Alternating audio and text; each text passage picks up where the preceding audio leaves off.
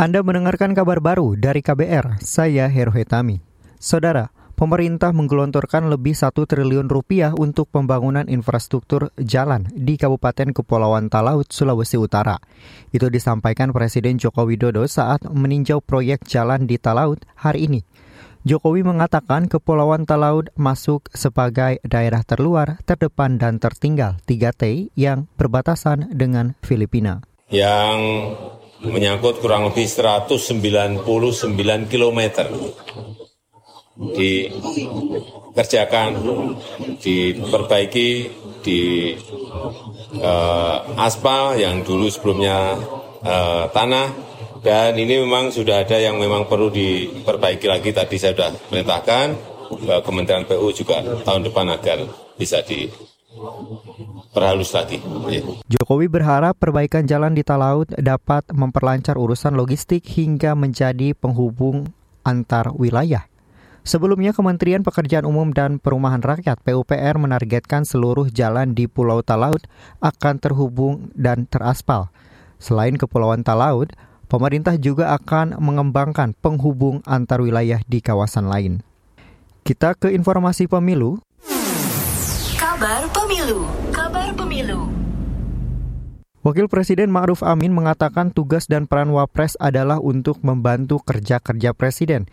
Dia menegaskan peran Wakil Presiden bukan ban serep atau bersifat cadangan saja. Eh, Wapres itu ya Wapres itu ya. Jangan Wapres rasa Presiden. Nah itu akan jadi masalah nantinya itu.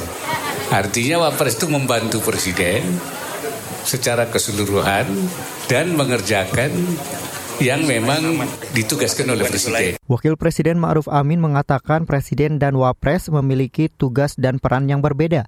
Karena itu ia berharap Wapres periode selanjutnya harus berkualitas dan bekerja lebih keras dan lebih baik dari dirinya. Masih terkait pemilu, Saudara Badan Pengawas Pemilu, Bawaslu, batal memanggil calon wakil presiden nomor urut 2, Gibran Raka Buming Raka untuk mengusut dugaan pelanggaran kampanye bagi-bagi susu di acara bebas kendaraan permotor atau Car Free Day CFD di Jakarta. Menurut anggota Bawaslu Puadi, tindakan Gibran tidak melanggar aturan lantaran tak ada upaya Gibran memobilisasi massa. Saya sudah katakan bahwa objek pelanggarannya itu sama. Jadi e, kalau misalkan di tingkat pusat sudah menangani kasus yang serupa dan kebetulan ini sudah keluar status pelaporannya, tidak ada dugaan pelanggaran pemilu berkaitan tentang bagi-bagi susu tersebut, sehingga keluarlah status laporan. Nah, ketika status laporan itu sudah keluar terhadap objek yang sama, sehingga tidak dilanjutkan untuk melakukan proses pelanggaran yang sama. Anggota Bawaslu Puadi menambahkan bukti video dan foto yang diberikan oleh pelapor tak cukup kuat menyatakan Gibran melanggar pemilu. Sebelumnya Bawaslu Jakarta Pusat hari ini mengagendakan pemanggilan Gibran terkait acara bagi-bagi susu di CFD. Anda mendengarkan kabar baru dari KBR, saya Heru Hetami.